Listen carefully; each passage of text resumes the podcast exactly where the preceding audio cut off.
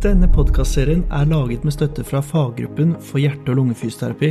Serien består av fem episoder med faglig innhold for deg som ønsker å lære mer om ulike tema innen fysioterapiens hjerte- og lungeverden. Du kan melde deg inn i faggruppen fra Norsk Fysioterapiforbund sine nettsider. Medlemskontingenten er på 400 kroner i året. Som medlem er du del av et nettverk som drar nytte av hverandre, der styret jobber særskilt for interessene til fysioterapeutene som jobber innen fagfeltet. Medlemskapet gir deg gratis kurs, rabatter, og du vil få tilsendt faggruppen for hjerte- og lungefysioterapi sitt eget tidsskrift årlig. Håper du lærer noe nytt i denne episoden, og god lytting! Hei og velkommen til en ny episode av Fysi-podkast. I dag har jeg, som heter Malene Johnsen, vært så heldig å få snakke med spesialfysioterapeut og ph.d. Tina Andersen. I tillegg til å forske på ganske kule ting som strupe og lunge, undervise fysioterapistudenter ved Høgskolen på Vestlandet i lungefysioterapi og eh, behandlingshjelpemiddel, så jobber Tina òg ved Nasjonalt kompetansetjeneste for heimerespiratorbehandling ved Haukeland universitetssykehus. I dag har vi snakka mer om nettopp det som handler om heimrespiratorbehandling. Hva det er, egentlig er for noe, hvem er det som trenger det, og hva er egentlig fysioterapeuten sin rolle på det som handler om heimrespiratorbehandling. Og så er jeg jo òg litt nysgjerrig på den forskninga som Tine driver med, så det har jeg jo selvfølgelig òg spurt litt om. God lytting. Og da var vi på plass, Tine. For jeg har nemlig med meg deg i dag. Eh, Tine Andersen, fysioterapeut i Bergen. Velkommen til Fysi. Kan du fortelle litt om deg? Ja, tusen takk, Malene. Takk for invitasjonen. Ja, jeg er fysioterapeut og forsker, og jeg har jobba her på Haukeland universitetssykehus siden 2000. Innen lungefysioterapi. Ja, for det er nettopp det du driver og forsker på. Ja, så jeg er postdoc-forsker innenfor strupen og hostemaskin og non-invasiv ventilasjonsstøtte. Ja, Ja. Litt ulikt, rett og slett. Og vi skal jo komme nærmere inn på det, det etter hvert. Eh, Men du jobber jo litt i klinikk òg, gjør ikke du det? Ja, så jeg har hatt en liten stilling på fysioterapiavdelingen her eh, siden eh, ja, de siste 20 årene. Og har pasienter, eh, ofte polikliniske Poliklinisk oppfølging av pasienter som har hostesvikt, altså som har dårlig evne til å hoste effektivt, og har kanskje hostemaskin hjemme. Så jeg følger de opp, eh, og så utreder jeg nye pasienter som, kan, som vi kan hjelpe. Og så er jeg litt oppe på avdelinga også med de akutte pasienter som, som har dårlig host. Ja. Så det er rett og slett hosting du er ekspert på, vil jeg si i hvert fall. Ja, i hvert fall litt over gjennomsnittsinteressert i hoste og slim. Ja, men det, det er jo veldig, veldig bra.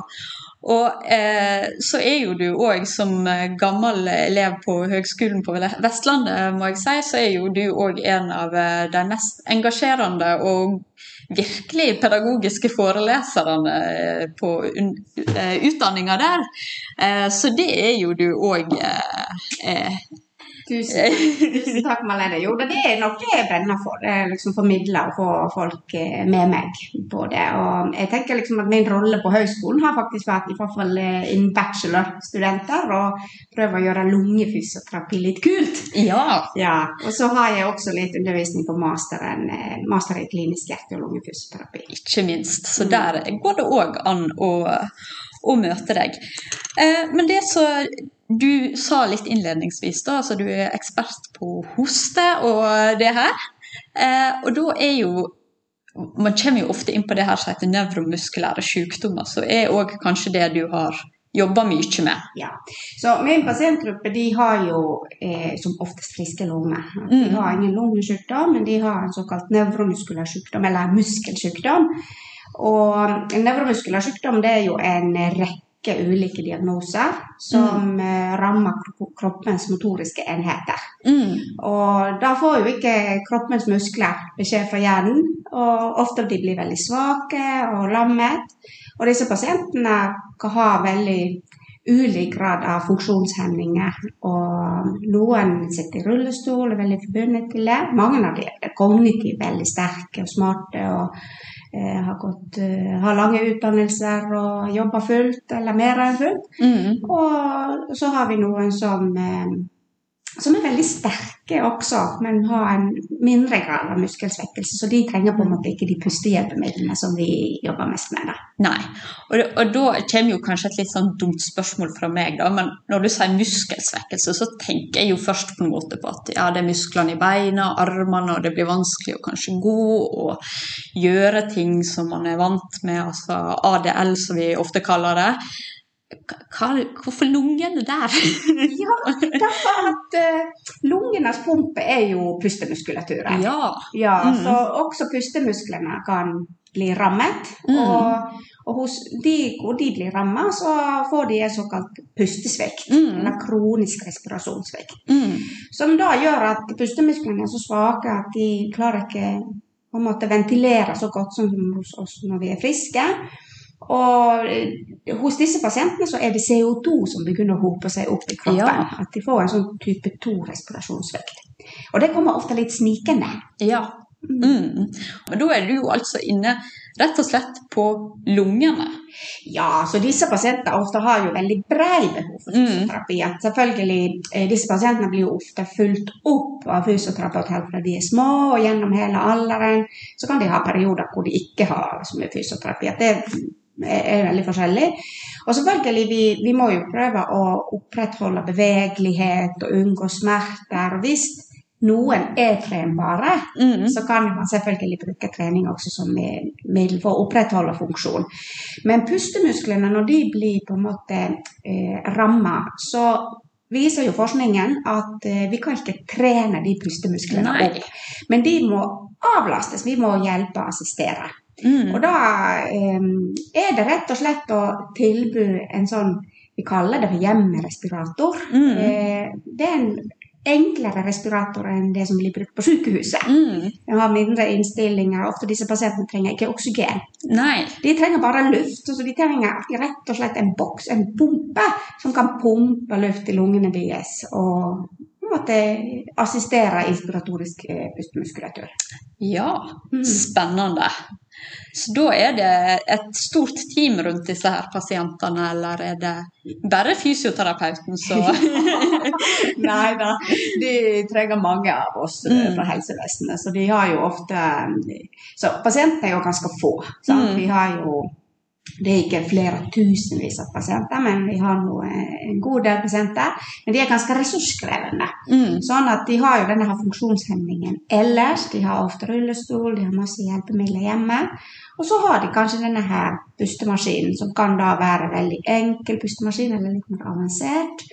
Eh, Hjemmesykepleie innom. eh, eh, mange har som brukerstyrt personlig assistanse. Mm. Så ufaglærte som jobber og er armer og bein deres. Mm. Og så er det selvfølgelig kommunefysioterapeuten, eller privatpraktiserende fysioterapeut som kan være innom bildet, og, og spesialhelsetjenesten. Og vi er jo en veldig stor gruppe ulike faggrupper som er rundt disse pasientene. Mm. Og det kan være sosionomer, erkoterapeuter, og logopeder, ernæringsfysiologer. Mm. Tverrfaglig, altså. Ja. Mye man må, må tenke på når man jobber med disse pasient, dine pasientgrupper. da. ja. Mm. Bare litt sånn for å plassere det Kunne du bare nevnt noen type mus nevromuskulære sykdommer for de som ikke er så kjent med det? Nei, Ja. der kommer det jo veldig mange forkortelser. ofte, Ja. Ja. Men eh, det er ofte ulike muskeldystrofier eller atrofier, som f.eks. Duchennes muskeldystrofi, DMD, Mm. eller spinalmuskelatrofi, SMA. Og det kan være ulike typer. Type 1, som er det mest alvorligste. Der får jo et lite barn allerede en diagnose. Eh, Eller type 2, som disse barna ofte får da pustestøtte i, i barndomsalderen. Og så kan du ha f.eks. amyotrofisk lateralsklerose, ALS. Skjønner at det var en forkortelse. ja, altså de, de får jo ofte da diagnose i voksen alder. Men det kan være fra 30-årene, men i gjennomsnitt så er jo disse pasientene nærmere 60. Mm. Mm. Ja, Ja, så da har vi plassert òg litt, eh, litt både hvem de er, og hvem som er rundt dem, og så litt den utfordringa de kan møte på da, som en eh, konsekvens av sykdommen de har fått. Mm. Eh, og så eh, har du nevnt at dere har flere hjelpemidler for pusten. Og hvilken type hjelpemidler det er egentlig? Ja, så det kan jo vel Hvis vi snakker liksom om hjemmerespiratorbehandling, så kan det jo være denne her hjemmerespiratoren Mm. som er hovedpustehjelpemiddel. Og den kan være en, eh, en veldig enkel en Bebop-maskin, bi-level positive airway pressure machine som, eh, som eh, pasienten eh, eh, bruker med maske, enten en liten nesemaske eller en maske som dekker både nese og munn. Eller helt til at det er mer avansert med respirator, hvor du har veldig mye innstillingsmuligheter ulike moduser, og som kobles til pasienten via trakeostomi, altså Ja. en hull i halsen og en sånn kanyle som eh, er da til koblingen. Og hvilken type sånn pustemaskin man trenger, det er jo da litt avhengig av hvor stort behov pasienten har for pustestøtte. Mm. At Er det bare på natten når du sover, eller er det også i dagtid, eller er det 24 timer i døgnet? Hvordan finner dere ut av det, da? Ja, så det er jo da at um, å begynne med, så, så blir jo Det kommer symptomer til under- underventilering. Ja. Sant? Og de symptomene som er vanlige, det kan være at du sover dårlig. At du våkner ofte på natten det er for at du har pustestopp, og så gjør hjernen det at ah, noe er gale, og nå våkner du. Og så pga. disse tingene så er du veldig uopplagt på, på dagen, og den CO2-hopningen kan gjøre da at du har morgenhodepine. Mm. Og da Du har liksom ofte litt sånn redusert livskvalitet og ikke så mye ork. At det er gjerne de første symptomene som Mm. Og da bør jo pasienten være henvist til spesialhelsetjenesten for utredning. Og da eh, kan man jo ta en blodgass, altså en, eh, en blodprøve rett fra arterie, som sier noe om det oksygennivået i blodet, eller CO2-nivået. At hvis Mm. den har for høye på dagtid, så har man allerede kommet ganske langt. da. Ja. Og så gjør vi sånne søvnregistreringer, altså at man måler ulike parametere under søvn, og ser om man har pustestopp, og hvordan disse her gassene eh, oppfører seg da Mm. under nattesøvnen. Og så tar vi jo lungefunksjonsmålinger. Ja. Spinometri, altså at hvor eh, god lungekapasitet du har, hvor god kraft du har i pustemusklene dine. Hostekraft er en Mm. viktig måling. Og ofte er det jo sånn at hostekraften faktisk blir tidligere dårligere enn selve pustekraften. Ja. Ja, derfor Hvis vi tenker på pusting, så er det nesten som å liksom gå. Sant? Mm. Men hoste, det er å løpe skikkelig raskt. Ja. Det var et godt bilde. så hvis du har uh, svake muskler, så slutter jo du først løpe, Mm. og så uh, gå etter hvert. da. Ja. Så hosten ofte blir dårligere før pusten blir dårligere. ja. Mm. Men disse, vi vet liksom hvem som får en eh, pustesvikt, for vi kjenner til masse, mange diagnoser. Det er jo veldig, Mm. veldig stor gruppe med ulike diagnoser. Og ofte disse pasientene bør følges opp av eh, nevrologisk avdeling, lungeavdeling i, i sykdomsprogresjonen, sånn at vi klarer å fange de opp før de etablerer liksom en, eh, en. Da. Ja, Mm. altså en forhøye- forhøya CO2 i, i blodet. Helt riktig. Yes! yes, et poeng til meg. Men da, da snakker du litt om at du hadde en bipap, og så hører man av og til noen som kaster ut NIV, og så hører du non-invasive et eller annet, og så er det noen som snakker om en C-pap, så har du respirator, hostemaskin, NMI-E Og hva er alt det her? Og ja. Ja, det er jo egentlig en stor haug med ulike maskiner. Ja. Og, og det er jo på en måte eh, Det kan være veldig forvirrende Mm. hva vi snakker om. Så vi egentlig, vi som jobber med kronisk pustesvikt, vi prøver å holde det veldig enkelt. Eh, I dag, hvis vi sier hjemmerespirator, så kan det være at veldig mange forbinder det kun med trakeostomi Ja. og liksom veldig avansert eh, pustesvikt. Når du sier respirator, så ser jeg jo for meg sant? Vi har alle sett bildene fra korona- og intensivavdelinger. Sant? Altså, det er sånne svære greier som står og lager masse lyd på sida av en seng fra en pasient som er veldig syk. Så det er jo, men det er noe litt annet vi snakker om her. Ja det det Ja. er det. Og det er mye mindre maskiner Mm. fysisk. Mm. Du har, disse pasientene som vi sa, trenger ikke oksygen. De Mm. trenger bare luft. Så det er egentlig en sånn liten boks med en turbin som Mm. blåser luft til pasienten. Som vi kan da, eller legen eller sykepleieren, stille inn ved å finne en riktig rytme, riktig trykk. Mm. Altså at man skal bli godt nok ventilert, og, og hvor det trykket på en måte oppnås, og hvor man bytter fra innpust til utpust, f.eks. Ja. Så det er sånne parametere vi, vi kan stille inn. Og ofte tenker vi jo at disse her hjelpemidlene skal vi prøve å stille liksom slik at maskinen og, og pasienten klarer å godt jobbe sammen. Nesten som å danse tango sammen. Mm. At, at de klarer å følge hverandre godt. At det blir en god opplevelse da. Mm. Men du nevnte liksom en CPAP f.eks. og NIV. Så NIV er jo på en måte den at den er kobla via maske. Ja. Så alle pustestøtter som er koblet via maske, enten nese- eller nese-munn-maske, det er non-invasivt. Ja. Da går ikke vi liksom gjennom huden. Nei. Men en trekostomi det er da en in in invasiv eh, pustestøtte. Ja, for NIV står for non-invasive, sant? Ja, ja. ja. Og så er det jo CPAP at den egentlig ikke regnes som en pustestøtte. Nei. Bortsett hvis du er et lite barn. Ok, ja. Men, eh, men vi skal ikke snakke så veldig mye om barn i dag. da. Ja. Men, eh, men det eh, Og så sepa kan jo brukes også av, på grunn av snorking Ja. av voksne. At den på en måte holder luftveiene utspilt under søvn Mm. og hindrer pustestopp. Men det er ikke hjemmerespiratorbehandling. Det er bare for å holde ja, for da får du et konstant trykk Ja. mot deg. Ja, Du må puste både, det under inn- og utpust. Ja, men det er mye å holde, holde styr på her. Og du sier jo at det, er masse parameter som kan stilles inn på og sånt. Eh, og så, hvis jeg da er kommunefysioterapeut, kan jeg risikere å møte på det her? Ja, det Ja. gjør det visste jeg egentlig, men ja. Ja da, det ligger jo kanskje litt i ordet Ja. hjemmerespiratorbehandling. Derfor at disse pasientene, Hensikten med hele behandlingen er jo at Mm. de skal ha en god livskvalitet. Ja. Ja. De vil jo selvfølgelig også overleve. Mm. Mm. Og for noen så er jo det også viktig at de på en måte eh, ikke dør. Eh, Men god livskvalitet, og det betyr masse. Sant? At du skal ikke da bo i et sykehjem nødvendigvis. Selvfølgelig noen pasienter der det er mer praktisk og kommunen ikke klarer å tilby eh, overvåkning og sånn hjemme, så må de kanskje bo i en institusjon.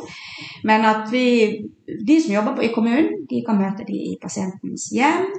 Eller eh, de kan møte barn som bor jo hjemme hos foreldrene sine ennå. Eller som bor i et sykehjem, eller i en omsorgsbolig, eller en annen type institusjon. da. Så Mm. det er det absolutt. Ja, og det er jo kanskje der dere da på eh, senter, Nasjonalt senter for hjemmerespirator, som det heter, har mye kontakt med eh, kommunefysioterapeuter rundt omkring. Nettopp for det det er jo en litt sånn spissa kompetanse, det her. Sant? Ja. Så kanskje ikke alle har like mye erfaring med, men da er dere der til unnsetning. Ja da, så vi har jo eksistert nå i 20 år. Mm. Altså Det heter Nasjonalt eh, kompetansetjeneste for hjemmerespiratorbehandling. Og vi har jobba mot eh, helsepersonell i hele landet. Både Mm. leger, sykepleiere, fysioterapeuter. Eh, både for å utrede, sette i gang behandling og følge opp disse pasientene. Eh, og så selvfølgelig så følger vi opp våre egne pasienter her eh, på Vestlandet. Og da kommer vi veldig ofte i kontakt med kommunefysioterapeuten. Mm. Og jeg tenker at kommunefysioterapeuten er veldig viktig eh, aktør i det hele. Derfor at med det første så kommer jo den pustesvikten litt snikende. Mm. Og det er faktisk en yrkesgruppe som ofte følger opp disse pasientene over en tid. Kanskje mange år. Mm. Kjenner pasienten godt. Og kanskje kan på en måte oppdage de første symptomene. Ja. Og gjøre kanskje fastlegen bevisst om at disse pasientene bør bli henvist til spesialhelsetjenesten for utredning av eh, pustesvikt. Og igjen at hvis vi har starta tiltak, si nå f.eks. en hostemaskin, Mm. Så er jo det, selv om det er vi fysioterapeuter som tilpasser det og starter behandling, gir anbefalinger om vi skal bruke det, så er det kanskje de ufaglærte assistentene som bruker det i det daglige, eller pårørende eller hjemmesykepleien. Men at denne her kommunefysioterapeuten er viktig aktør og følger litt øye med om det skjer noen endringer. Mm. Og kan gjerne ta kontakt med oss uh, ganske fort, Mm. uten noen henvisning. Bare ringe og si at nå funker det ikke så like bra sånn som det gjorde en måned siden. Det har skjedd nok at uh, bør det tas et kontroll, da. Ja. Og så er det noen kommunefysioterapeuter som blir superflinke sjøl. Mm. Derfor de har mange pasienter. Og de kan til og med også gi opplæring til, eh, til Ja. eh, assistenter og sånn. Ja. Mm. ja. Så dere har jo mye kontakt òg da med kommunefysioterapeuten. Men hva er på en måte din rolle da, kontra kommunefysioterapeutens rolle i Ja. Ja, godt spørsmål. Ja. Ja, da, så Jeg jobber jo på spesialhelsetjenesten på et universitetssykehus og er tilknyttet lungeavdelingen. Og min oppgave er egentlig at uh, legen kan henvise en pasient at de, har, de mistenker at de har hostesvikt eller Mm. redusert hostekraft, eller at de har fått problemer med slim, Mm. opplever at de klarer ikke å bli kvitt av det, at de har infeksjoner til og med kanskje. Så da er min oppgave å utrede pasienten. Mm. Altså Hostepuffmåling f.eks. veldig viktig. Måle vitalkapasitet, se hvor stor lungekapasitet pasienten har. Måle eh, eh, pustemuskelkraften på inspirasjon og ekspirasjon. Det kan også fortelle liksom, kraften eh, en Mm. klarer å generere. Prøver å finne ut hva slags problemer de har. Pasientene er jo veldig ulike. Mm. Eh, og så prøver vi litt ut ulike tiltak som vi da Selvfølgelig valget av det baserer vi på de målingene vi hadde. Vi, Mm. Om det er en enkel manuell hostestøtte, at vi lærer de rundt pasienten og støtter dem på brystkassen når de gjør et hosteforsøk. Eller om de trenger noe som vi kaller for airstekking. Altså at vi f.eks. har en sånn bag, som, sånn eh, eh, ambubag som ofte du ser på sykehus, sykehus Ja, det det ambulanser, ja, som du mm. bruker på å ventilere. Altså pumper pasienten opp full i luft, og så gir man manuell hostestøtte. Eller hostemaskin, som er en, eh, en veldig eh, hyppig tilleggsbehandling til hjemmerespiratorbehandling. Og hostemaskin det er jo da en maskin som på en måte blåser luft i lungene, full av lungene luft, og så bytter han til negativt trykk. Det Mm. blir en slags støvsuger og drar opp lufta, og forhåpentligvis det slimet som ligger i sentrale luftveier. Ja. Ja. Og så må vi jo gi opplæring til de som skal bruke det, og så må vi følge opp pasienten. ja. Så litt, litt ulikt, rett og slett. Men eh, litt videre òg på hoste, så du var så fint inne på noe med Mm. hostemaskin. For det er jo det du, eh, som du sa innledningsvis, eh, virkelig har eh, jobba mye med. Bare litt sånn først kort og enkelt. Hvorfor er egentlig hoste så viktig? Ja. Ja. Jeg har fått litt rå, dårlig rykte under pandemien også, Ja. at man prøver å unngå hoste. Nei, hoste er jo en funksjon, og det er jo derfor det er liksom arbeidsområdet for oss fysioterapeuter. Så en hoste det består jo av en dyp innpust, og så lukker vi stemmebåndene, glottis, og så starter vi en aktiv utpust mot de, og det øker trykket i, i brystkassen. Mm. Og når vi da åpner stemmebåndene plutselig og fortsetter den aktive utpusten, så klarer vi å lage en sånn kjempehøy luftstrømshastighet øh, som kan flytte slimet. Og det er jo det det er. Det er en forsvarsmekanisme i lungene på at, vi, at slimet kommer opp. Mm. På en måte vi får bli kvitt av slimet. For hvis det blir i lungene, så lager det masse ugagn og eh, vekstmedium for bakterier og basillusker og kan Ja. bli inflammert og få betennelse. Sånne ting vi ikke vil ha. Nei. Nei. Nei. Og, og da er det jo Altså, disse her eh, pasientene da, som har nedsatt hostekraft, de vil vi jo gjerne likevel òg skal få opp det her slimet. Og så er ikke det alltid de klarer det sjøl, som du sier. Og da har du både den manuelle hostestøtten, som du var litt inne på, at du rett og slett bruker egne armer, holdt jeg på å si, og støtter pasienten og hjelper pasienten til å hoste. Men så har du òg den eh, Erstekingen? ja, Mm. og så hostemaskinen. Ja. Når bruker du hva? Ja, derfor at hvis det er kun ekspiratorisk, liksom at Mm. pasienten har en god vitalkapasitet, de klarer å ta en god innpust sjøl, Mm. men det er ekspiratoriske muskler som er svekka, Mm. så er det kanskje nok med denne manuelle hostestøtten. Og så, hvis her eh, Hvis vi hoster på en måte, og vi klarer ikke trekke en god dyp innpust, så blir hosten veldig svak Mm. av den grunn. Og da, må, da trenger pasienten også støtte til den inspirasjonsfasen. Ja. Ja, Så hvis både inspirasjonsmusklene og ekspirasjonsmusklene er svake, så kan erstekking og, og manuell hostestøtte være en god alternativ. Hvis de av en eller annen grunn skulle hatt en god ekspiratorisk kraft, men kun mangler den inspiratoriske, f.eks. at de har en veldig ren diafragmaparese, Mm. at de ikke klarer å trekke godt inn, så kan ærstekking være nok, og så hoster de sjøl. Mm. Og så er det jo ofte da at når vi måler den hostekraften, så eh, måler vi noe som vi kaller for hostepeff. Mm. Altså den topp topp luftstrømshastigheten eh, under hoste. Ja. Og hvis den verdien er på en viss nivå, en verdi med 180 liter per Mm. minutt, det er veldig sånn detaljert nå, men hvis det er under det, så starter vi med hostemaskin. Derfor da vet vi at de ikke lenger klarer å bli kvitt av eh, det slimet. Og hvis de skulle få mer slim, f.eks. under forkjølelse, så trenger de litt kraftigere hjelpemidler. Mm. Det merker vi jo kanskje litt sjøl òg, at når man har mer slim, så man hoster mer, man blir mer sliten og sånt, sånt, så trenger man kanskje hjelp, mer hjelp enn når man har gode perioder og er frisk. Ja, absolutt. Så de er jo på en måte Disse pasientene vi trenger, tenker jo ikke at disse er syke. Nei. De har en kronisk sykdom, en stor funksjonshemning, men de er ganske stabile. De har ikke den der akutte og veldig ustabile som pasientene på intensiven er. Mm. Men uh, de er ganske stabile, og det er sånn vi ønsker å ha dem. Mm. At våre tiltak er jo ofte da forebyggende tiltak. At de ikke får At hvis de får en forkjølelse, så blir det ikke en lungebetennelse. Mm. Og hvis du skulle få en in- infeksjon i kroppen, f.eks. en urinveisinfeksjon, så blir jo du slappere av den grunn også. Og da må de være mer obs på det at de kanskje trenger litt mer hjelp til å hoste hvis de har slim. Ja. Mm. Men som oftest så er disse pasientene, eller diagnosene, de, de er progressive. Mm. Sånn at pasientene vil bli verre, eller ikke verre, men svakere over Ja. tid. Mm. Ja. Og da må vi justere de tiltakene, og ofte gå fra det ene til den andre. Ja. Men mange, eh, mange syns jo da at eh, de ønsker å på en måte ja, klare egentlig uten så lenge som mulig. Mm. Og så i et eller annet fase så blir vi på en måte enige at nå snart har vi. Nå er det på tide. Ja. Mm.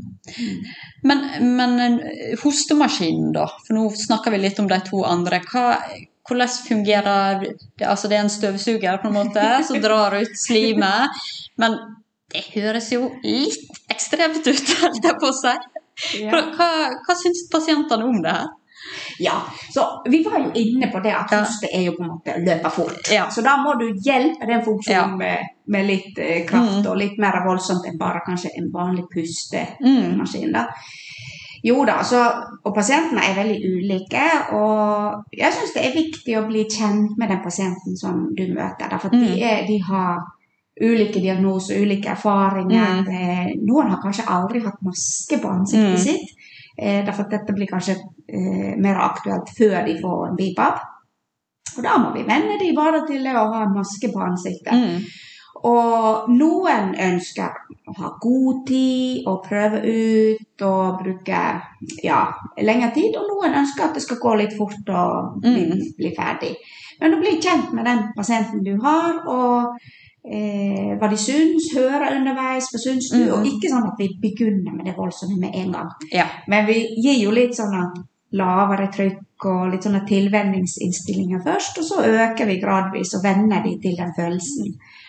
Og så sier vi aldri at det er ubehagelig, men gjerne si at det kan eh, føles litt rart. ja. Og ja, så veldig mange pasienter syns jo at den innpusten, at når vi Mm. presser luft inn, det er jo ikke bare en vanlig innpust, men det er ganske en dyp innpust. Mm. Den er veldig rar. Mm. Og så selvfølgelig den støvsugeren som kommer også er litt eh, rart. Men hvis du har slim, masse slim Mm. og du ikke klarer å hoste, så syns jo disse pasientene veldig ofte at det var deilig. Ja, ja, men så bra. så, så det oppleves som regel da godt, og i hvert fall når man har fått en tilvenningsfase, og ikke et sånt helt på å si nødvendig onde. Nei. Ja. Ja. Nei, men Det er jo veldig, veldig fint. Men hvordan er det man da gjør en behandling med disse her type hjelpemidlene? Er det sånn at man Hostemaskin det går man jo ikke med konstant, helt jeg på å si, men er det sånn at eh, har man én runde om dagen, og så er man ferdig, eller er det litt sånn at man tar det på feelingen, eller hvordan er det dere på en måte legger det her eh, opp som en behandling? Ja, det blir jo lagt opp individuelt Ja. også. At det var jo en tid hvor vi på en måte anbefalte at man skal bruke to til tre ganger om dagen. Men Mm. fortsatt så finnes det ikke forskning som sier at sånn skal det gjøres. Eh, enkelte land, f.eks. Portugal, Mm. de har ikke råd til å gi maskiner til pasientene til friske perioder. Så Nei. de bare låner det ut når de eh, blir syke. Ja. Men vi er jo veldig heldige i mange andre land at pasientene kan ha utstyret stående hos seg. Og de som har masse slim, det, det kan være at de bruker den 20 ganger om dagen. ja.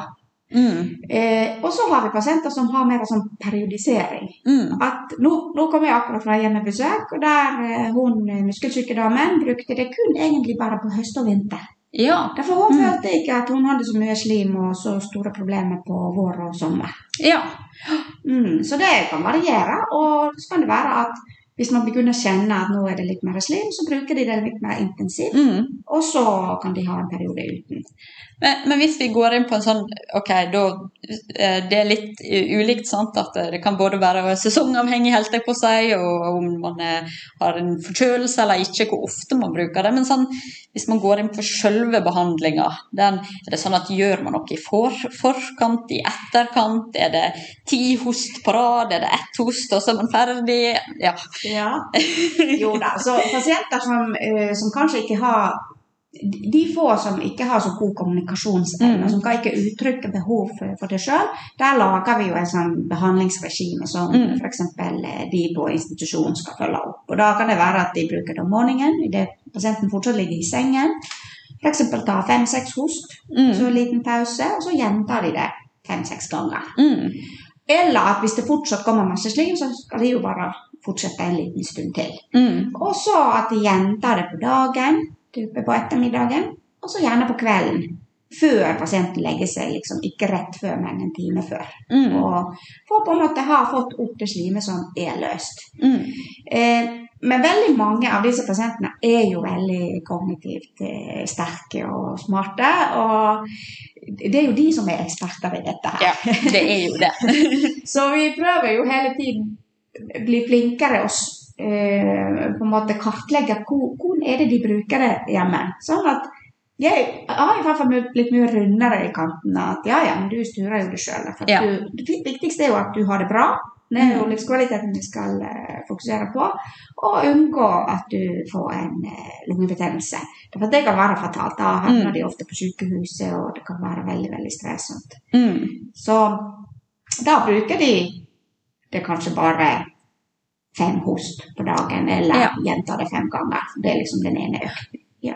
Bruker de det sjøl, eller trenger de assistanse når de bruker det? ja, altså de, mange av de trenger jo assistanse, derfor at de har jo lammelser i, i Mm. armer og kroppen. Så bare det å holde masken, så trenger jo de en, en hånd Ja.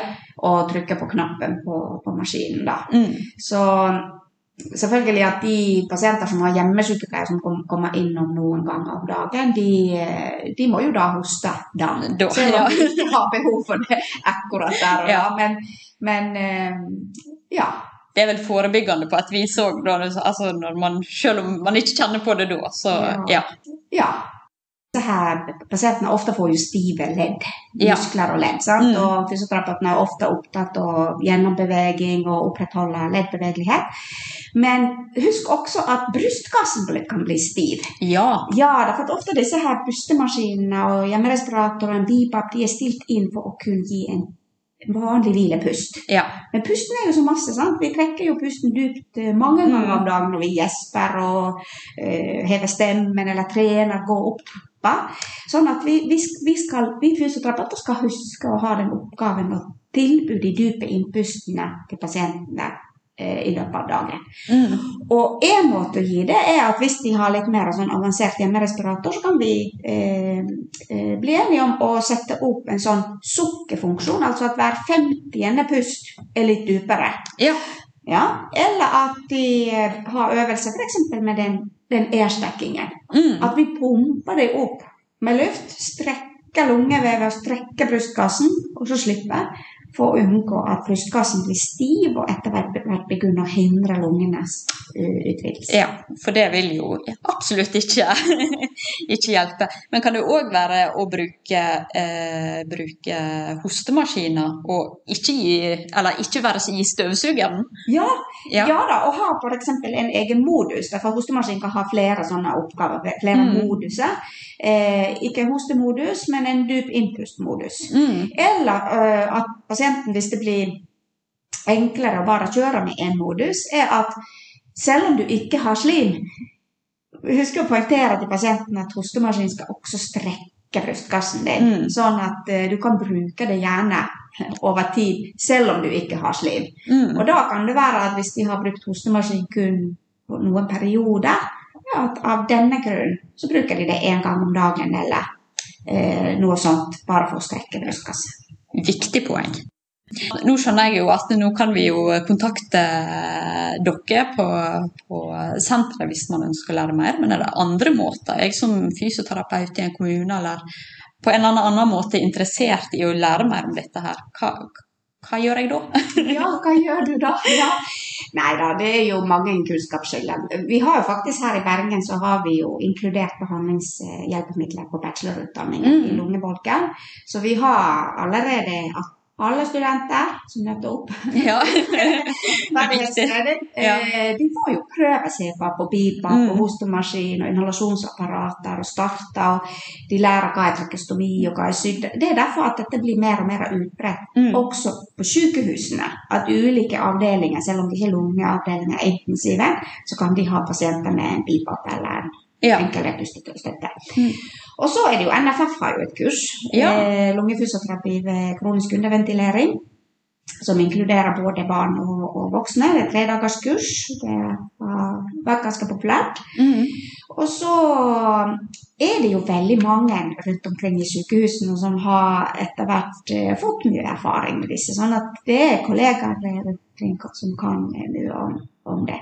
Og det finnes jo masse artikler, eh, bøker, og så er det en del internettressurser også, og undervisninger som blir lagt etter hvert på Mm. ulike eh, nettsider og sånn. Ja, og der kan vi jo kanskje linke til òg i Ja, det episoden, så flere får tilgang på det. For der finnes det jo veldig mye bra eh, rundt omkring som går an å lære seg opp på. Er det noen sånne her eh, altså absolutt man ikke må gjøre hvis man har et eh, Altså, er det noen sånn veldig store feil man kan gjøre?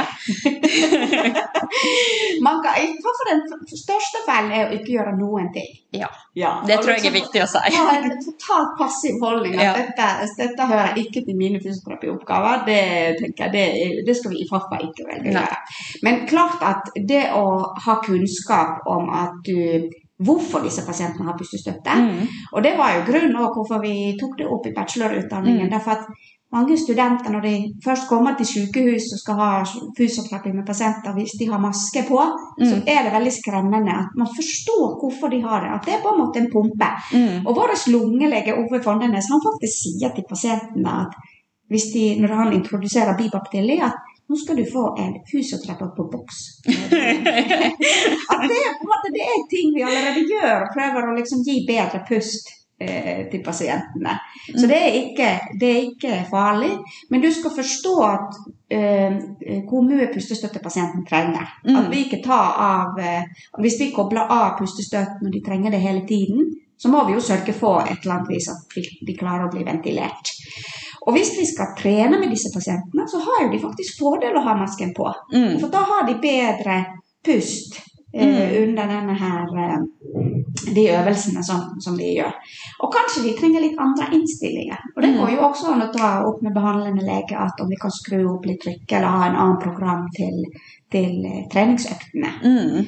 Eh, og så er det jo selvfølgelig det at eh, disse her maskinene blir jo innstilt og låst. Innstillingene Mm. blir låst. Og det er den trygghetsaspektet, da.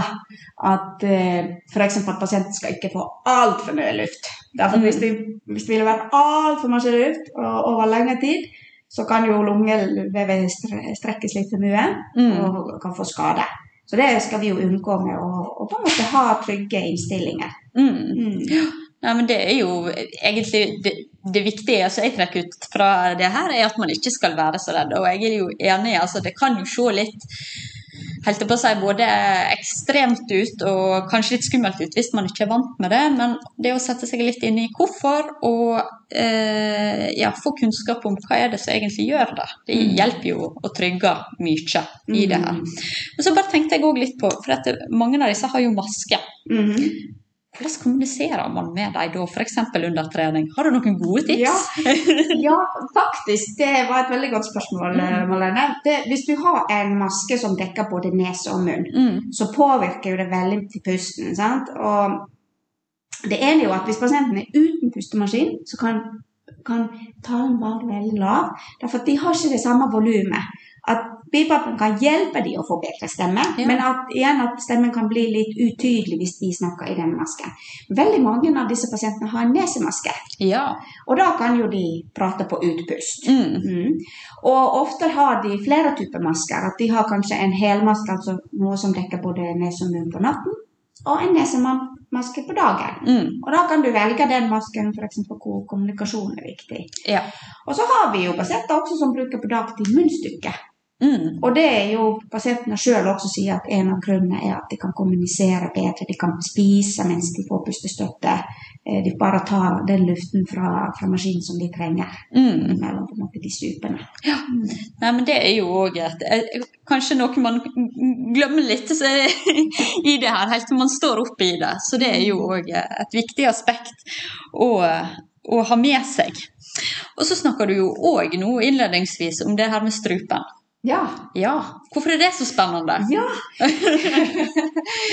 Nei da. Det er jo det at når vi leverer eh, luft eh, med maske, så må jo den gjennom strupen før den kommer til lungene. Ja. Og det er jo ofte lungemiljøer og lungemedisin som har behandla disse pasientene. Og da har de på en måte litt oversett og ignorert kanskje strupen og liksom tenker at eh, lungene er denne her kongedømmen som de skal Ja. jobbe med. Så står det en portvakt der for, for kongedømmet. Akkurat. Ja. akkurat en postvakt, det er det Ja. sier. Ja, det er riktig. Jo da. Og så, vi starta jo med den forskningen eh, jeg har gjort da nå i 12-13 år siden. Ja. Og det var akkurat derfor at vi hadde en del ALS-pasienter allerede den gangen som hadde litt såkalte bulbære symptomer. Altså Mm. at de har vanskeligheter med tale og svelging, og har de ekstremt dårlig sånn tydelig Mm. hode, er mer sånn kremting. Altså dårlig svelgefunksjon. Og disse var litt vanskelig å lykkes med hostemaskin. Og da var det foreslått at kanskje det er det da svelget som er veldig viktig for dem. Og jeg ble jo kjent med det miljøet som vi har her på Haukeland, på, på barneklinikken, med strupeforskning under angstrengelse. Mm. Eh, og så det oppsettet tenkte jeg, det var jo litt smart. Kunne ikke vi bare kikke ned i strupen til disse pasientene mens de bruker hostemaskin? Ja. Ja, for I EILO-testing så hadde jo de allerede en maske som dekket ansiktet, hvor de Ja. hadde bora hull og på en måte fått denne skopet gjennom. Så det gjorde vi. Og faktisk fant ut at eh, når vi leverer luft inn til lungene, så kommer denne her portvakten litt for aktivt inn og lukker, lukker strupen. Og da kommer jo ikke luften ned til lungene i det hele tatt. Nei. Og med hostemaskinen, da, når, vi, da, når den byttet til negativt trykk og ble en slags støvsuger Så hvis vi ikke hadde fått noe luft inn i lungene, så ble det jo veldig snevert på utpust også. Men hvis vi innstilte maskinen litt annerledes, på en måte leverte den luften litt snillere og litt roligere litt over lengre tid, Mm. Så var ikke portvakten der. Nei. Det på en måte Porten var åpen, og da klarte vi å suge den luften opp igjen eh, med hostemaskin. Aha. Så fra de undersøkelsene så lærte vi jo at, at det er faktisk ikke pasientene som feiler behandling. Det var vi som terapeuter som hadde brukt hostemaskin på en feil måte med disse pasientene. Og siden det var det positive trykket som var utfordring, så er det jo også med NIV, altså med Mm. At det er positive trykk vi bruker. Så vi har på en måte fortsatt med de der strupeundersøkelsene også etter min doktorgrad, at vi eh, tilpasser BIPAP med å kikke ned i, i strupen med ALS-pasienten. Og så ser vi om deres behandlingscompliance, som betyr at hvor godt de sover Mm. liksom, med BIPAP-maskinen, blir bedre. Ja. Og så er det jo det at en sånn eh, sånn laryngoskop som vi har da brukt, det er jo en sånn tynn slange som føres gjennom nesen og stoppes bak tungen. at Den kiler jo litt og er på en måte en invasiv manøver. Og disse pasientene er ganske sårbare, så prøver vi å finne ut andre måter å diagnostisere dette her. Ja, for der driver jo dere med noe spennende nå. Ja. Ja. Hva er det dere gjør istedenfor? Eller ikke, ikke foreløpig istedenfor, men Serpom kan være et alternativ til det her kameraet som man tar gjennom nesen og ned gjennom halsen. Ja, så vi har et kamera gjennom Ja. nesen, og vi visualiserer strupen. Vi har fantastiske gode bilder med lys og rosa, fine larynx som beveger seg. Og det er mens da eh, deltakerne puster med niv og hostemaskin. Men vi har også en ultralyd, diagnostisk ultralydhode på strupen. Ja, Foran og på siden. Og vi er nysgjerrige for å finne ut om diagnostisk ultralyd kan eh, visualisere det på samme måte som eh, et skop. da. Ja. Derfor ultralydapparat er jo overalt. ja. Og- ikke sant. Og er kanskje både enklere å bruke og eh, litt mer behagelig for pasienten, Ja. kan man si. Ja. Så da er altså målet her med denne her nye undersøkelsen det er rett og slett å se om kan man bruke ultralyd i stedet for det her skopet til å tilpasse trykk på NIV til disse pasientene. Trykk og hostemaskin. Ja. Ja. Veldig spennende og veldig stilig. Ja. Ja. Så vi har faktisk en, en doktorgradskandidat som er fysioterapeut Ja. på intensivavdelingen Arendal, Anne Kristine Brekka. Så det er hennes eh, prosjekt å, å finne mer ut av det. Og hittil så har vi jo testa noen friske deltakere. Mm. Jeg har vært prøvekanin der. Ja. Veldig kjekt. Det var bra du sa det. Ja. Det har taushetsplikt. ja, nei da, men det Jo da. Og, og, og så hvis det viser seg at dette er lovende, sånn som det faktisk gjør nå, med etter pre- preliminære analyser, så ønsker vi jo da å utvide undersøkelsen også til pasientgrupper. Veldig, veldig spennende. Og der har vi jo òg snakka med din kollega George eh, om nettopp bruken av ultralyd, og hvor eh, mange muligheter det kan gi for fysioterapeuter Ja. i behandling og oppfølging av pasienter. Så det òg er jo kjempespennende og et viktig verktøy i eh, verktøykassa til fysioterapeuter, tenker jeg. Absolutt. Og vi er veldig veldig heldige å ha George med i det prosjektet, for han er jo virkelig en sånn legend. legende innenfor intensiv fysioterapi, og var den intensivfysioterapeuten som starta å bruke lungeultralyd i sin fysioterapibehandling på, på intensivpasienter. Så han har jo vært veldig nyskapende allerede i mange herrens år. 15 år siden starta han med det. Og så at han på en måte ser også at det ikke bare er lunge eller diafragmaultralyd, men at vi kan også eh, kanskje bruke det på andre, også på strupen, som den portvakten som, som du var inne på. Ja, Veldig, veldig spennende. Det, eh, det gleder jeg meg til å høre mer om etter hvert. Eh, Er det noe nå før vi avrunder du tenker vi har glemt å snakke om, eller eh, Ja.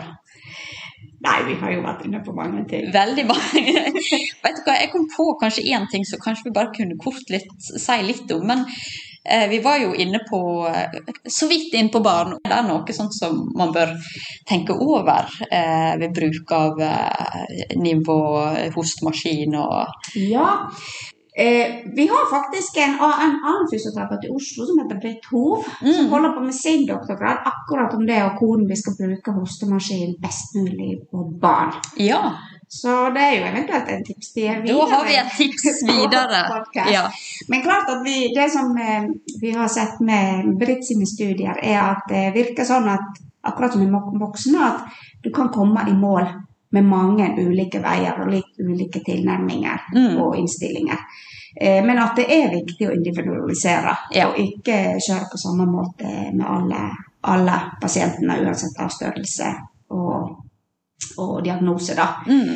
Eh, men det kan være at de trenger eh, like høye trykk som voksne, med Mm. kortere tider, at de har mindre lunger, Mm. at vi ikke leverer så høye volumer, og at uh, akkurat som med de ALS-pasientene, at lavere inspirasjonstrykk er kanskje nok. Mm. Og kombinere med høyere eh, ekspirasjonstrykk. Da.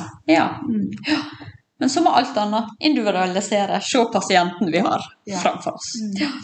Nei, men veldig, veldig fint, eh, Tina. Tusen takk for at du eh, ville være med oss i dag og lære oss mer om eh, ja, lunge, og ikke minst portvakten, som òg er viktig. Veldig kjekt. Tusen takk for invitasjonen. Tusen takk for at du hørte på denne podkastepisoden med støtte fra Norsk Fysioterapiforbunds egen faggruppe for hjerte- og lungefysioterapi. Faggruppen har også en egen Facebook-gruppe der mange av Norges dyktigste fysioterapeuter som jobber med hjerte- og lungesykdom, skriver innlegg, formidler fag og stiller spørsmål. Det skal være et lavterskeltilbud der du kan søke kompetanse hvis du står fast med noe, uavhengig av hvilken kompetanse du har fra før.